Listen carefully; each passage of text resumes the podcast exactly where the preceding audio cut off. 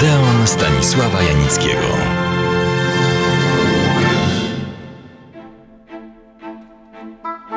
Teraz o Kazimierzu Pruszyńskim, naszym pionierze dziesiątej muzy, mówiąc bardziej prozaicznie, pionierze nie tylko naszego filmu. Kinem się specjalnie nie interesował. To był umysł techniczny, a nie wizyjny czy biznesowy. Wspomniałem przed tygodniem, że urodził się w 1875 roku. Rodzice, widząc jego uzdolnienia i pasję do nauk ścisłych, wysłali go na studia politechniczne do francuskiego Liège. Tam skonstruował ekspedytora uniwersalnego, który ułatwiał i przyspieszał pracę w drukarniach i wydawnictwach. Za granicą zetknął się Kazimierz Pruszyński z licznymi i bardzo różnymi próbami ożywiania obrazów, czyli uczynienia, że nieruchome fotografie ożyją. Te ówczesne eksperymenty nie wieńczył wtedy sukces, jak Pruszyński wspominał po latach. Uprzytomniłem sobie, że materiałem tutaj musi być lekka taśma błonowa – Szło też o znalezienie mechanizmu, który by szybko, lecz dokładnie przerzucał tę błąkę, nie drąc jej. Obmyśliłem cały nowy system grabek, ząbków, wchodzących w otwory w taśmie i przesuwających ją szybko.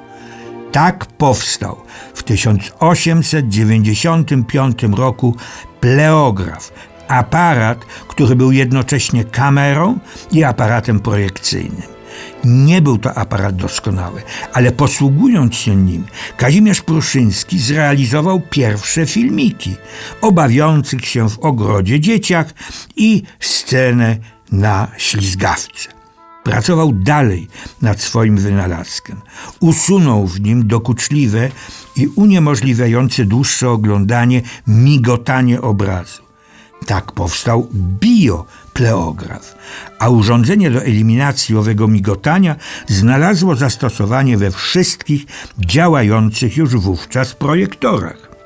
Pruszyński demonstrował swe aparaty i filmy nimi zrealizowane na najróżniejszych zebraniach, mających również zachęcić przemysłowców do zainwestowania w ten nowy wynalazek.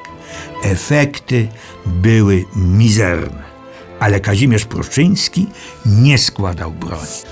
Wiedział, że aparatem, czyli kamerą, można rejestrować rzeczywistość, zarówno tę realnie istniejącą, ale też i tę stworzoną.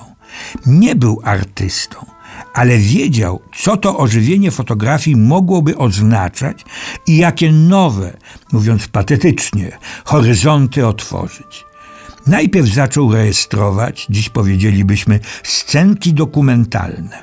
Ruch uliczny w warszawskich alejach ujazdowskich, scenki przed pomnikiem Mickiewicza na krakowskim przedmieściu, ale zawędrował także do Wilna i zarejestrował, co dzieje się przed ostrą bramą w Wilnie.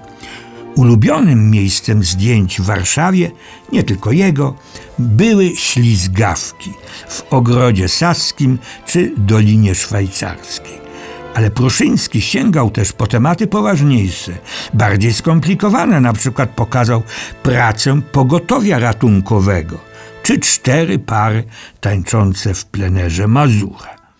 I wreszcie przyszedł moment przełomowy. Kazimierz Pruszyński zrealizował to jasne, że pełnił wszystkie funkcje realizatorskie. Pierwszy polski film fabularny. Nosił on tytuł Powrót Birbanta i jeszcze podtytuł Zabawne przygody pana po świątecznych libacjach. Był rok 1902. Filmik ten pokazywany był wiele lat później, dokładnie w 1938 roku, w czasie lwowskich targów wschodnich. Tam widział go profesor Bolesław Lewicki, po wojnie wybitny filmoznawca, i to dzięki jego opisowi znamy dokładnie przebieg akcji. Oto ona. Dzień, fragment ulicy, na tle kamienica raczej jej część z bramą wejściową, mniej więcej do pierwszego piętra. Chodnik, na pierwszym planie kawałek jezdni. Przed bramą stróż w fartuchu zamiata chodnik. Z prawej strony nadjeżdża dorożka konna, zatrzymuje się przed bramą. W dorożce, rozwalony na siedzeniu, młody człowiek w cylindrze i fraku, widocznym spod czarnej narzutki czy peleryny. Młody człowiek jest wyraźnie wstawiony, bo nie może podnieść się o własnych siłach. Dorożkarz i stróż pomagają mu w wydostaniu się z dorożki. Potem Birband z pomocą stróża zdąża do bramy. O drugim filmie napisał sam Kazimierz Pruszyński. Treść jego. Śpiącemu dorożkarzowi wyprzągnięto konia. Na jego miejsce wprzęgnięto osła. Pasażer, znowu Kazimierz Junosza Stępowski, budzi dorożkarza, który nie może się nadziwić zaszłej podczas snu zmianie. I tak na wesoło rozpoczęły się dzieje polskiego filmu fabularnego.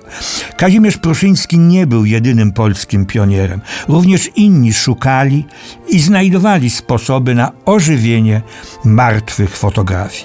Ale to już inny temat i nie śmiem Państwa nim zanudzać. Ale jeszcze kiedyś do niego wrócę, bo to temat arcyciekawy. Zaś do Odeonu, jak zwykle i ciągle, serdecznie Państwa zapraszam.